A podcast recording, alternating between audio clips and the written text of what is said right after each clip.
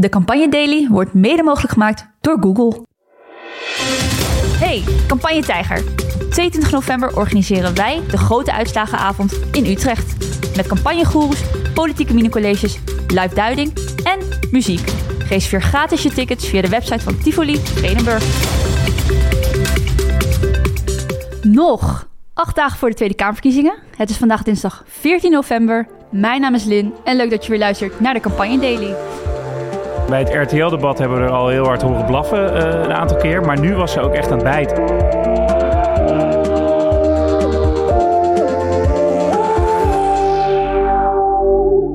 Een nieuwe dag, een nieuwe aflevering. Uh, ik zit vandaag hier weer met hele leuke gasten. Tegenover mij Bram Vesten. Yes, goedemiddag. Hoi Bram, een van de parts van BKB. En links van mij uh, Pelle Koppen, dit keer in een hele andere rol, namelijk die als duiler. Uh, gepromoveerd tot de koppositie van de tafel. Welkom Pelle. Ja, heerlijk. Lekker om een keertje hier te mogen zitten. Ja, het zit warm hè, die stoel? Ja, fantastisch zit hij. Mag je eigenlijk gewoon een keer echt je mening geven, Pelle, in plaats van dat je de hele tijd het gesprek uh, in de rails moet houden? Ik denk dat de luisteraars daar ook echt op zitten te wachten. Dus uh, ik ben blij dat ik dat vandaag mag doen. Ik heb zin in het gestrekte been. Leuk. Een nieuwe peiling van een vandaag in Ipsos. Pel, welke conclusie kunnen we daaruit trekken? Wat staat erin? Ja, niet heel veel verschuivingen. Het uh, is echt vers van de pers. Uh, kwam een paar minuten geleden bij ons binnen. Uh, we zien dat de BBB in deze peiling zakt van 12 naar 9. Uh, en dat GroenLinks PvdA een zeteltje wint van 22 naar 23. De ChristenUnie wint een zeteltje van 4 naar 5. En tenslotte wint ook D66 één zeteltje van 8 naar 9. En verder blijft alles een beetje zoals het was. En een grote verliezer is dus BBB? Ja, die gaan er drie op uh, achteruit in deze peiling. Ja. Oeh. Ja, je, ziet, je ziet eigenlijk wel dat die peilingen ook wel een beetje meer naar elkaar toe aan het groeien zijn. Hè? Dus er zijn twee, eigenlijk twee uh, peilingbureaus waar we veel naar kijken. Dat is uh, INO en uh, dus deze van Ipsos 1 Vandaag. En INO had GroenLinks PvdA wat hoger ingeschat oorspronkelijk op 20, 26. dat zakt nu een beetje. Eén Vandaag Ipsos had GroenLinks PvdA heel laag ingeschat op 20. En dat groeit nu naar elkaar. en ze volgen elkaar een beetje. Want die val van de BBB zagen we al bij INO vorige week. En die zien we zich nu ook vertalen in, uh, in deze peiling. Ja, en in dat opzicht ben ik ook wel benieuwd. Uh, morgen komt de nieuwe peiling van INO. Uh, dan zit ze voor het eerst in dezelfde week. Dus dan kunnen we echt wel, wel wat meer conclusies uit die beide peilingen trekken. Ik ben benieuwd. Je zegt, Bram, de val van BBB. Maar ik zag misschien gisteren toch wel duidelijk een terugkeer van Caroline van der Plas. een tijd terug zijn namelijk Marten ook al dat de daling van BBB in was gezet. Maar gisteren hervond ze toch wel een beetje haar vuur tijdens Galite Sophie verschrikkelijk, serieus, dat jullie dit op deze manier laten zien. In Budel. Uh -huh. Jullie zijn nog nooit in Budel geweest. Jullie hebben geen idee welke Onze collega's in Budel geweest. Ja, om even misschien iemand voor gek te zetten. Nee, maar dat is, ik ben dat, in, maar dat is de premisse van het filmpje, nee, Caroline, nee, nee, ik ben in Budel geweest, meerdere keren. Die mensen hebben daar gigantische overlast van overlastgevende asielzoekers. Niet van allemaal, dat zeggen ze ook niet. Vuur was terug uh, bij Caroline van der Plas. Bam, heel kort. Wat is er in de video over Budel te zien? Um, ja, uh, het is een video eigenlijk die opgenomen is door het programma Khalid en Sophie. En uh, daarin stippen zij de problematiek aan in Budel die zij hebben met uh, overlastgevende asielzoekers, omdat daar een, een AZC is. Maar eigenlijk volgen ze daarin een, een, een, iemand die lid is van de buurtpreventie. En ze volgen hem eigenlijk terwijl diegene bij de supermarkt staat om te controleren of ja, er, geen, er geen goederen worden gestolen. En daar wordt best wel een raar beeld ook van gegeven. Ik vond het zelf ook best wel cartoonesk eigenlijk. Ik dacht, nou, we, hadden veel kritiek op uh, het RTL-debat... dat ze bestaanszekerheid met een tekenfilmpje uh, probeerden duidelijk te maken. Dit vond ik nog wel een stapje erger, want best een serieus probleem... wat mensen misschien hebben. En daar wordt een soort ja, een soort grappig filmpje van gemaakt. Van kijk, dit zulletje nou even hier staan met zijn dikke buik en zijn, en zijn shirt om, uh, om buurtpreventie te spelen. Er zat ook echt een lullig muziekje onder, wat het ook wel echt een beetje nou, nog meer inkleurde in, in die context. Inderdaad. Ja, en een verslaggever die vraagt van nou, uh, vandaag gebeurt er niet zoveel. Hè? En uh, weet je wel, heel erg benadrukken uh, dat het onzin was. Het voelde een beetje alsof er een agenda achter zat om toch wel het, het probleem te bagatelliseren. En daar was uh, Caroline van der Plas niet over te spreken. Zagen we een beetje haar straatvechtersmentaliteit terugkomen? Ja, zeker. Nou, ze zat er echt uh, ze zat er kort op. want na dit fragment mocht eerst Esther Houwand van de Partij voor de Dieren... die zat daar ook aan tafel iets zeggen over nou, het thema migratie. Vervolgens vervolgde Raoul Heertje, cabaretier... die daar bij Grietje Sofie zit als, als de zwevende kiezer. En die ridiculiseerde inderdaad een beetje het postuur van die man. En toen, bam, zat Caroline er gelijk kort op. En uh, nou, die, die gooide gewoon voor de voeten van iedereen op tafel. Ja, jullie zijn nog nooit in Budel geweest. Uh, waar hebben jullie het nou eigenlijk over? Ik kom daar al meerdere keren. Jullie lachen deze mensen weg. Die problematiek is echt, echt voelbaar voor die mensen. Nou, gaf gelijk tastbare voorbeelden. Ja, je zag echt dat ze echt gepikeerd daarover was. En ja, ook ik ben zo iemand uh, die vroeger al met films of series echt zo'n beetje mijn ogen afwenden als het zo van heel ongemakkelijk wordt of zo. Ik kan er niet zo goed naar kijken. En mm. die blik van Galit en, en, en Sophie, die, die ze toen... Ja, die werden echt als schoolkinderen oh. werden ze tot de orde geroepen. Ik zat er echt met de rillingen, maar het was wel terecht. Uh, Want dat zag je ook. Ze voelde, hij kwam wel echt Ja, en het is ook authentiek hè, bij Caroline. Ik bedoel... En we hebben het hiervoor wel gehad in podcast van... is, is ze nou de momentum kwijt? Hè? Ze leek moe, uh, de, de show was er een beetje uit. Nou, volgens mij bij het RTL-debat hebben we er al heel hard horen blaffen uh, een aantal keer. Maar nu was ze ook echt aan het bijten en aan het doorbijten. En ja, dat is toch wel weer eigenlijk de kracht van Caroline, vind ik. Haar authenticiteit is gewoon als ze zich boos maakt over dingen. En ook als zij zich bekommert om wat mensen in het land waar ze zich zorgen over maken, doet ze dat ook echt. Ik heb dat ook in andere podcasts gehoord. Bijvoorbeeld bij de Spindokters had Julia Wouters het daar ook over. Je gelooft haar gewoon als zij zegt van... Uh, jullie zijn nog nooit een budel geweest, maar ik wel. Je weet mhm. zeker dat ze daar is geweest. Je weet zeker dat ze mensen heeft gesproken. Um, dus in deze rol vind ik haar ook heel, heel sterk eigenlijk. En dit is ook de kracht van de BBB. En zijn in dat opzicht Galit en Sofie ook dan de perfecte tegenstander voor Van der Plas? Misschien omdat ze een beetje die kloof tussen uh, misschien de regio... of tussen haar kiezer misschien en... Uh, en de Randstad laat zien. Ik, ja. ik denk dat ze in dit antwoord specifiek dat natuurlijk heel erg uitspeelde. En het is natuurlijk zo dat de VARA, uh, eh, BNM-VARA moet ik zeggen, in dat opzicht niet haar natuurlijke podium is. Maar het is natuurlijk lekker om je daar tegen af te kunnen zetten. En wat ik zei, het werkte fantastisch. Want de Galit en Sofie leek echt een beetje verbouwereerd en een beetje stamelend kwam Galit tot dat eerste antwoord. En vervolgens kreeg Van der Plas, mede door dit moment, echt ruim vijf minuten om het echt ongestoord, zonder tussenkomst van de presentatoren of Esther Ouwehand, die er een beetje sip bij zat, uh, tijd en podium om te praten over de migratieplannen van BBB. Ja, ze waren echt helemaal... Het hele interview was eigenlijk daardoor gedestabiliseerd. Wat, wat heel mhm. goed Caroline van, Plas, uh, van Pas kwam. Van Plas kwam uh, omdat zij daardoor heel goed haar verhaal kon vertellen. Maar Esther Ouwehand was echt kind van de rekening. Want die viel helemaal weg. Dat zelfs Wouter de Winter van de Telegraaf op een gegeven moment nog moet zeggen... hey, komt Esther Ouwehand ook nog aan het woord? Ja, dat is wel best wel heftig. Ik denk zowel voor Esther Ouwehand als voor Galit en Sofie. Dat je dus ziet, zij waren echt de controle over hun programma kwijt. Echt, totaal. Totaal ontregeling. Maar ik vraag me af, is dit dan uh, een tactiekverandering vanuit uh, Van der Plas en haar team? Of hoe, hoe... Ja, ik weet niet of we dat zo moeten zien. Ze heeft zelf natuurlijk ook, en daar hebben we het ook in deze podcast eerder over gehad, een beetje teruggeblikt op, op de campagne alvast. En ze zei, nou, ik ging echt persoonlijk door een moeilijke tijd. Uh, deels met dat boek wat over haar privéleven uitkwam. Deels natuurlijk dat ze gewoon maanden al in campagnestand zit. Het lijkt wel dat ze een beetje het vuur heeft teruggevonden. En misschien ook wel een beetje het plezier in de campagne. Ja, en ook, ik denk toch wel, Pelle, dat ze ook wel... Hè, BBB ging de verkiezing in met echt misschien wel het idee van... Hey, wij gaan de nieuwe premier van Nederland leveren. Mhm. Ging zich ook echt presenteren als een premierwaardige partij. Nou, dat leverde al heel veel gedoe op al heel snel. En uh, dat werd een soort, ja, het werd een beetje modderig allemaal. En ik, heb, ik, ik krijg toch wel het idee dat Caroline dat een beetje van zich heeft afgeschud. Dat die droom, dat ze die hebben laten varen. En nu denken, laten we gewoon doen waar we goed in zijn. Uh, de problemen benoemen die mensen hebben in het land. Uh, en daar met zonder al te veel poespas of dat gedimdam, hè, wat ze ook zegt. Dat zijn die uitspraken, dat noemden ze tijdens dat RTL-debat. Waar ook mensen lekker op gaan, omdat ze denken: ja, uh, inderdaad, het moet gewoon gebeuren. En ik, ik denk wel dat ze hun oude kracht gewoon weer daarmee een beetje terug zeker, Zeker, zeker. En dat past, die, die rol past daar veel beter. Ik vond overigens nog voor deze confrontatie was er een debat tussen Esther Ouwehand en Caroline van der Plas over stikstof en, en, en de megastallen. En daar zie je, dat is gewoon haar, haar home turf. Daar deelde ze echt links-rechts, uh, vond ik echt rake klappen uit. Uh, politiek gezien uh, ben ik het wellicht wat minder met haar eens. Maar ik vond dat ze het op punten daar die campagnestrijd van Esther Ouwand heel goed, heel goed wist te winnen.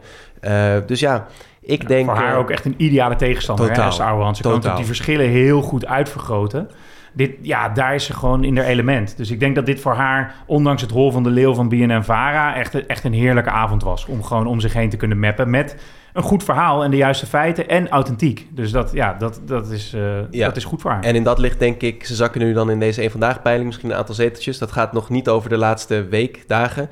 Ik denk dat BBB toch maar misschien uh, die eindsplit heeft ingezet en nou ja, zo rond de 11, 12 gaat eindigen deze verkiezing. We gaan het zien. Caroline van der Plas. al meteen weer met allemaal voorspellingen. Ja. Zo gevaarlijk. Maar uh, ik hoorde dat jij zelf ook wat skin in the game hebt in deze Ik heb hier ik heb een uh, krat bier met Neil Petersen van FC Afkik. Die is vandaag jarig. Gefeliciteerd overigens. staan op dat BBB meer dan negen zetels gaat hebben. Dus ook dit podium moet ik gebruiken om ze, om ze daar naartoe te praten. Wishful thinking. Ja, we gaan het zien. Um, Caroline van der Plas, die valt terug als BB Bulldog. Leuk. Um, Mona Keizer, de nummer 2 van BBB, uh, eh, schoof aan bij Groenteman en Van Rosmalen. Het was echt zo druk. Gisteravond op televisie was gewoon overal alleen maar lijsttrekkers. Ik ben in een soort infinite loop geweest van lijsttrekkers bij televisieprogramma's. Waarbij elke keer als het ene programma was afgelopen, het volgende Kon je door? begon. En ik dacht, nou, kijk nog heel even een stukje dit, een stukje dat. En ik lag uiteindelijk om half twaalf tollend in mijn bed. En toen zei iemand nog, kijkt iemand op één? Toen zat ik echt, nee, niet meer. Laat me met Hou op. rust. Maar het is wel echt insane hoor, want die lijsttrekkers, eh, die, ja, we hebben het altijd over op pad gaan voor campagne, maar die zien meer de binnenkant van een auto van, en tv-studio's dan dat ze echt op straat met kiezers spreken. Want het was echt bizar. Je was gewoon aan het zeppen en het hield maar niet op. Het Nou. hield maar Het is- niet op. eh, Ik weet niet of het extremer is dan andere eh, verkiezingen. Maar misschien ook wel omdat we echt best wel veel talkshows hebben nu. En veel lijsttrekkers. En veel lijsttrekkers. En het roleert gewoon door. Het is gewoon de hele tijd wie zit waar vanavond. Waar zit die, waar zit die. Ja. Oh, die zitten daar. Ja, het is, het is niet meer bij Het soort van menselijk niet meer bij te houden. Want gisteren schoof eh, Jette aan bij Nieuwsuur. Timmermans was bij de heren van Vandaag in Sight. Om zich zat weer bij Bo.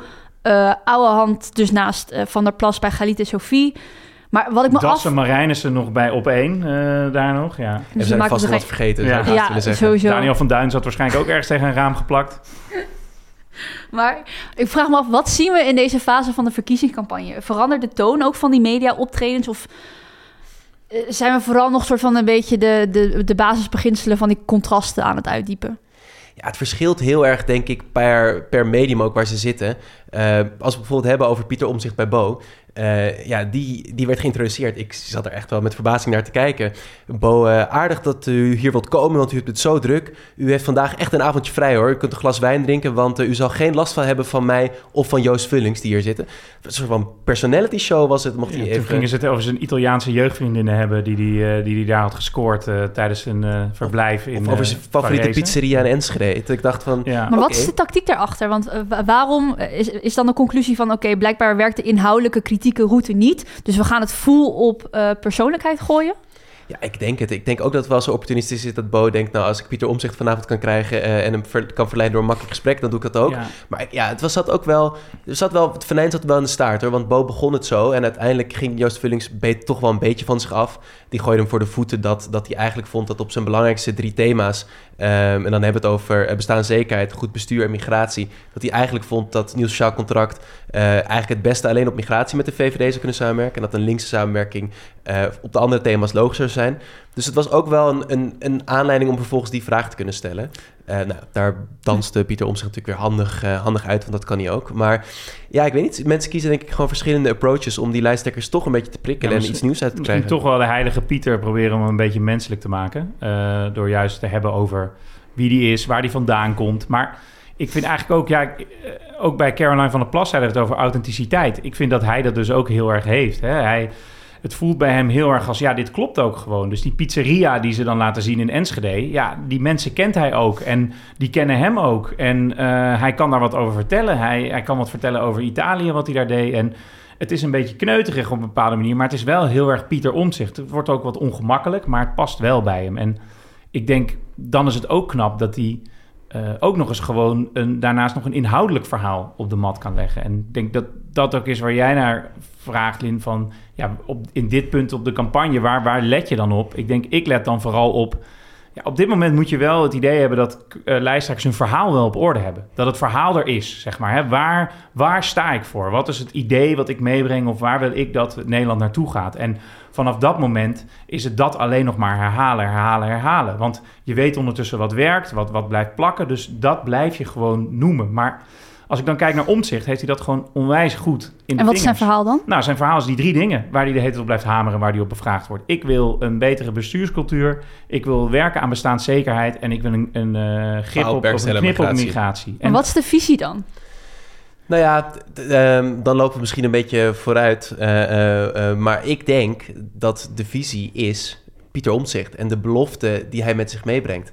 Eh, en dat kiezers, dat zag je ook in datzelfde interview. Wat ik interessant vond, is dat eh, ons grote vriend Grijze Rademakers... die heeft ook gepeld bij kiezers... eh, nou, wat mensen nou vinden van verschillende lijsttrekkers. En eigenlijk in al zijn onderzoeken komt er naar voren... dat in ieder geval die in dat panel, ik weet niet hoe representatief dat is... dat op de onderwerpen, wat speelt er? Pieter Omtzigt op één. Is hij sympathiek? Omzicht op 2. Is hij deskundig? Omzicht op 1. Heb je vertrouwen in hem? Omzicht op 1. Kan hij verbinden? Omzicht op 1. Omzicht is eigenlijk zijn eigen, zijn eigen verhaal. En dat vind ik Ja. wel interessant. En Omtzigt is het antwoord op de vraag waar moet Nederland naartoe? En ja, die, dat, je dat kan beantwoorden met jouw partij of naam is Mhm. natuurlijk fantastisch. We hebben het vaker gehad over hier die referendumvraag. Mhm. Die we nu ook wel kunnen gaan ontwaren van... Ja, waar gaan deze verkiezingen nou echt over? En ik denk dat er best wel wat mensen hier in de podcast zijn geweest... die daar al verschillende visies op hebben eh, gegeven. Mm. En mijn idee is ook, mensen willen uiteindelijk gewoon iemand die dingen gaat fixen. Ja. Dus er is gewoon eh, het idee ontstaan, ondanks dat het niet aan Dylan Jezelgus kleeft, dat we gewoon jaren stil hebben gestaan met een, met, een, met een premier die eigenlijk het allemaal maar goed vond gaan en een kabinet wat elkaar echt niet echt lekker voelde, maar toch maar een beetje wurmend verder ging. Mensen hebben echt het idee van wie gaat nou dingen weer regelen? Wie gaat zorgen dat er weer dingen gebeuren? We zitten vast, weet je. We, hebben, we kunnen niet bouwen door stikstof. We, en dit, dit is niet wat ik vind, hè, maar wat je dan hoort. We worden Mhm. overspoeld door vluchtelingen. We hebben, niet, we, we hebben niet genoeg huizen. Mensen leven in armoede. Toeslagenaffaire nog steeds niet opgelost. Wie gaat daar shit fixen? En ik denk dat Omtzigt op dat moment het beste verhaal heeft. Die kan zeggen van ja, ik heb, daar, ik heb een plan hoe ik shit wil fixen. Um, en en ik heb daar, leg daar een, een, een, een idee voor neer. En daar slaan mensen op aan. Wel interessant, jij noemde net die lijstjes uh, die bij uh, die Gijs uh, Rademakers had gepeld. Mm. Ja, een naam die niet echt heel vaak naar voren kwam in die lijstjes was Frans Timmermans. Nee, nee, die komt er niet in voor. En Gijs Rademakers zei er zelf over dat hij bij de eigen groep kiezers nog wel positief op al deze punten scoort. Maar dat hij met name de afgelopen weken bij andere kiezersgroepen heel erg hard gedaald is in de waardering. Uh, en ja, we hebben het eerder gezegd, hij heeft het gewoon lastig in deze campagne. GroenLinks PvdA heeft het lastig in deze campagne. Uh, hij zat gisteren zelf bij Vandaag in Site en dat was in een bepaald opzicht best tekenend. Ik, ik vond dat hij het over, ja, hij hield de nul, het was, het was prima optreden. Tegelijkertijd is het ook een beetje, wat is zijn, hè, jij werpt volgens mij terecht de vraag op, uh, Bram, dat, je, dat kiezers willen in deze fase van de campagne weten van, wat is nou jouw verhaal, wat is jouw belofte? En Tuurlijk heeft hij bepaalde punten, minimumloon omhoog en, en daar zitten echt wel ingrediënten in. Maar dat, dat coherente verhaal, dat mis ik. Uh, want ja, GroenLinks PvdA heeft heel hard ingezet op leiderschap. Hè? Frans Timmermans inderdaad positioneren als de man die al deze problemen die Bram net schetst gaat oplossen. Maar dat, dat, dat hangt gewoon niet aan hem, dat blijft niet aan hem plakken. En ik denk niet dat kiezers hem daarmee associëren. Ik denk dat deze verkiezingen ook veel minder een leiderschapsverkiezing zijn geworden dan mensen oorspronkelijk dachten. Dus misschien dachten mensen wel, oké, okay, Rutte gaat na 13 jaar weg. De vraag wordt natuurlijk, wie kan dat gat opvullen? En ik heb het idee dat die vraag veel minder gesteld wordt. Maar dat, we, dat het vooral om gaat van, dus wie, wie gaat er eindelijk zorgen dat we in dit land weer vooruit gaan? En ik denk dat twee mensen dat op dit moment heel goed doen. Dat zie je ook in de peilingen, dus het is heel makkelijk om dat zo te zeggen natuurlijk. Maar Mhm. om zich dus, waar we het net over hadden. En Dylan Jezelgus, die zegt... Weet je, we willen geen waterige compromissen. We willen gewoon dingen fixen. Dat zegt ze ook de hele tijd. Fixen, uh, we moeten vooruit, we moeten verder. En, en daar slaan mensen op aan. En dan hoef je dus niet eens concrete voorbeelden te laten zien, blijkbaar. Mensen willen gewoon het idee hebben... als ik op jou stem, dan ga je dingen doen. En Timmermans zit juist helemaal aan het einde. Die begint te vertellen wat hij gaat doen. Ik wil het minimumloon omhoog naar 16 mm. euro. Ik wil de vennootschapbelasting verhogen. Ja, maar ga eens even een stapje terug. Waar, waar is dit allemaal op gebaseerd, deze ideeën? Wat is de grondgedachte waarom we dit allemaal moeten willen? En als ik gisteren ook weer uh, vandaag in Zuid kijk, ontbreekt dat volledig, dat verhaal. En ik heb dat verhaal eigenlijk van GroenLinks PvdA misschien helemaal in het begin wel, maar daarna niet meer gehoord. En waarom is er geen verhaal gebouwd? Had het over klimaat gehad? Had het, daar had je alles aan kunnen verbinden. Totaal. Had het over uh, solidariteit. solidariteit gehad? Had je alles aan kunnen verbinden. En, en het, is, het is er gewoon niet. Dus het zijn losse, losse flarden die niet vallen in een soort bakje bij mensen van... hierom kies ik voor jou. Hierom heb ik het idee dat jij uh, uh, het beste idee hebt. Wat ik dus wel interessant vind, is je zegt: oké, okay, wie gaat dus die problemen oplossen? Tegelijkertijd zeg je: oké, okay, maar de vraag draait niet echt om wie de volgende leider is. Terwijl, naar mijn idee, hangen die twee vragen toch ontzettend met elkaar samen. Ja, ja. ja dat denk ik wel. Tuurlijk hangt dat samen. Maar ik denk dat kiezers ook gewoon. Dat ze, ik denk dat kiezers heel erg moe zijn met, met politiek uh, uh, onder de jaren van Rutte. En dat je dat echt ziet. Bram, je zei het ook al een beetje, dat afgelopen kabinet Rutte 4 was echt een soort van tussenkabinet. En dat voelde je aan alles. Die onderlinge verhoudingen waren zoek. Hele maar, lange formatie. hele Uiteindelijk lange kwamen ze er toch nog uit, maar ja, maar ja lange het was, tanden. het was echt niet van hart en vanuit liefde. En dat voelen ze gewoon. Een soort van, we hebben veel kritiek op Den Haag natuurlijk altijd al, maar er was echt een soort van moeheid. Dus ik denk dat mensen inderdaad gewoon politici willen die shit fixen. En een beetje daarop aanhaken, denk ik ook dat dat echt een strategische fout is van GroenLinks PvdA. Dat ze niet hun oplossingen uh, uh, nadrukkelijker verbinden aan een groot verhaal. En je ziet dat wat zij openlaten, om nog even dan toch nog even terug te komen op die talkshowavond van gisteren. Rob Jetten zat bij Nieuwsuur. Ehm, dat hij dat gat ook wel een beetje op aan het vullen is. Eh, ehm, dat hij iemand is die... Ja, dat was natuurlijk die aanval van Timmermans in uh, WNL van het weekend... dat er niks gebeurd zou zijn op klimaat.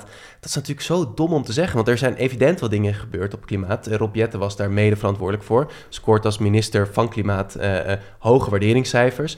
En je ziet dat hij nu op die legacy een beetje aan door aan het pakken is. En, en op sommige punten wel dat, dat, dat geluid wat, wat, waar veel linkse kiezers naar snakken uh, aan het uh, verkondigen is. Ja, ja. ja en, en daarnaast nog denk ik die leiderschapsvraag. Je ziet ook wel Dylan Jezekus duikt de vraag of zij de eerste vrouwelijke premier van Nederland kan worden. Eh, Pieter Omtzigt laat überhaupt in het midden of hij premier wil worden. Dus het lijkt wel alsof dat premierschap echt, dat leiderschapsvraag, dat dat de hete aardappel is iedereen doorgeeft. Tuurlijk, mensen zeggen wel, ik ben er klaar voor en ik, ik, ik wil het doen. Maar het lijkt er echt niet om te gaan. En uh, ik, ik denk inderdaad nu, het gaat om wie kan, wie kan dingen gaan oplossen. Wie kan er zorgen dat er weer dingen gebeuren.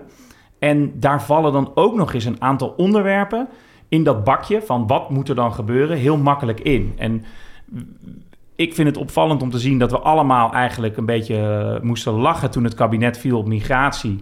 Dat we dachten, ah, dan probeert de VVD een verkiezingsthema te maken van migratie. En uh, dat gaat toch nooit lukken, want het dat zal gaan over leiderschap, bestaanszekerheid. En eigenlijk ja. Het leek er wel een beetje op dat het niet zo zou gebeuren. Toen we deze podcast begonnen, zo augustus, september... toen leek migratie helemaal weggezakt Klopt, te zijn. ging het alleen maar over bestaanszekerheid. Wat is dat nou precies? Maar nu zie je eigenlijk dat als het, ook als het over bestaanszekerheid gaat... dat toch weer het meest concrete onderwerp wat besproken wordt, is migratie. Het wordt allemaal weer teruggebracht naar... We hebben geen grip op wie er ons land binnenkomen. Uh, dus dat moeten we eerst krijgen. Dat moeten we, dat moeten we oplossen. En het is ook zo concreet. Hè? Je kan er gewoon een aantal op plakken. Los van of je het waar kan maken. Maar je kan gewoon zeggen ja, we gaan het terugbrengen naar dit of dat. Terwijl heel veel van die onderwerpen zijn natuurlijk een soort zwevend geheel. Klimaat, het is zo groot. Um, zorg, hebben we het ook al over gehad. Het is zo verschrikkelijk breed. Dus maar dat is zo interessant dat je dat zegt. Want uiteindelijk is migratie ook best wel een complex onderwerp. Van wat mag Nederland, wat mag Europa? Totaal. Hoe werkt dat? Wat is de oorzaak daarvan? En toch weet rechts het dan dus nou ja, enigszins simpel te maken voor de kiezer. Ja. ja, omdat je dus een aantal op kan plakken. En inderdaad, vandaag in de Volkskrant staat volgens mij ook een heel stuk over hoe dat het in de praktijk ook zo niet werkt. En je ziet ook als je Caroline van der Plas erop bevraagt, zegt ze ook, ja, tuurlijk gaan we niet op 15.000 en dan 15.001 gaat er, uh, komt er niet meer in. Maar blijkbaar dit soort dingen resoneren wel. Ze denken, hé, hey, uh, hier is een, ligt een plan voor. Precies, maar het onderwerp van migratie, en dat, we hebben het natuurlijk daar eerder over gehad in de context van sociale media, maar we weten gewoon dat in campagnetijd inspelen op emoties werkt. En ik denk gewoon, als het over migratie gaat, ja, partijen spelen toch in op bepaalde onderliggende angsten van kiezers. En uh, dat zijn misschien irrationele angsten, want ook in de Volkskrant wordt er ingegaan op nou, wat die cijfers nou echt zijn en wat de, eh, wat de impact van, uh, van migratie en immigratie zou zijn. Maar ja, ik denk dat ze zeker partijen meer op, op, op het rechterspectrum van, van, het, uh, van het bestel heel erg inspelen op die angsten van kiezers. En, en nou ja dat, ja, dat vind ik een beetje een verkeerde manier van politiek en campagne bedrijven. Maar ik denk dat dat, dat, dat zeker gebeurt. Ja, en daar kunnen denk ik uh, Jezus en Omtzigt Van der Plas ook Wilders wel voor bedanken. Die nu twintig jaar lang elk probleem wat we hebben in dit land heeft kunnen koppelen aan migratie. En daar kunnen ze nu dankbaar gebruik van maken door daar elke keer in te tappen. Bij het RTL-debat natuurlijk gaf Wilders elke keer het perfecte opzetje om voor uh, Jezus hem vervolgens in te koppen. Dus ja, ik, ik kan me voorstellen dat linkse partijen ook met hun handen in het haar zitten van ja bestaanszekerheid, weet je, we, we hadden het hier al zo lang over, maar gaat het er eigenlijk wel echt over? Uh, nee, misschien wel niet. En terwijl zij een veel sterker verhaal hebben op dat onderwerp. Zeker, maar nogmaals, dan moeten ze ook wel echt uh, hand in eigen boezem steken. Want dan hadden ze zelf een onderwerp, moet, onderwerp moeten agenderen en nadrukkelijk op de kaart moeten zetten. Want er is daardoor ook gewoon ruimte ontstaan. Natuurlijk ja. ook omdat Pieter Omtzigt daarover begon en omdat deze campagne zo groot over Omtzigt draait, om het over migratie te hebben. Um, ja, klopt. Die keuze voor leiderschap, denk ik, van GroenLinks PvdA heeft een soort gat opengelaten eigenlijk, waar, waardoor je thema niet meer bepaalt. En uh, ja, dat en uiteindelijk ook de verkiezingen niet meer bepaalt. Nee. Oeh, keiharde woorden. Migratie verschijnt dus als uh, campagnethema. Een campagnethema waar we in het verleden uh, vooral over hebben gehad... over waarom het geen campagnethema is, namelijk zorg. Daar vond gisteren iets van plaats. Ik denk de enige persoon die uh, dit volledige zorgdebat heeft gekeken... is onze luisteraar Lennart Piri, die in opleiding is tot arts... En um, we zullen het linken in de show notes. Want het is, ondanks het feit dat we het misschien niet heel erg over hebben gehad, toch echt ontzettend belangrijk om naar te kijken. Omdat zorg een heel belangrijk, nou ja, hoe zeg je dat? Er zit een heel belangrijk onderliggend probleem in voor onze samenleving, maar het gaat er gewoon niet genoeg over. Uh, en zijn analyse wil ik toch nog wel even graag delen voor het einde van de aflevering. Um, Daaruit kwam vooral dat hij zei nou dat de winnaars van het debat GroenLinks P van de A was. Uh, samen met BBB, uh, Nicky Pauverwij en uh, D66 die het rijtje afsloot. bij BBB en D66 zijn er ook twee mensen die ook daadwerkelijk werken in de zorg, die het goed doen. En waarbij je duidelijk kan zien dat ze verstand van zaken hebben. Maar zijn kritische noot was eigenlijk vooral dat um, zorg wordt zo complex en op een gegeven moment ook best wel technisch. Dat het in het debat het zoeken naar concrete punten altijd lastig is.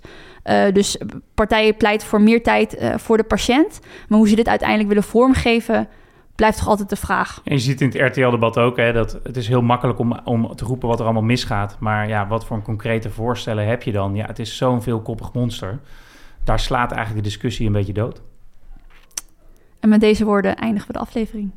Dank Pelle, dank Bram voor het aanschuiven. Leuk, Leuk dat ik ja. hier mocht zitten. Vergeet ons niet te liken, subscriben en 5 sterren te geven. Morgen zit Pelle hier met eh, Bianca Pander en politiek redacteur van NRC Guus Valk. Uh, dank voor het luisteren en tot morgen iedereen.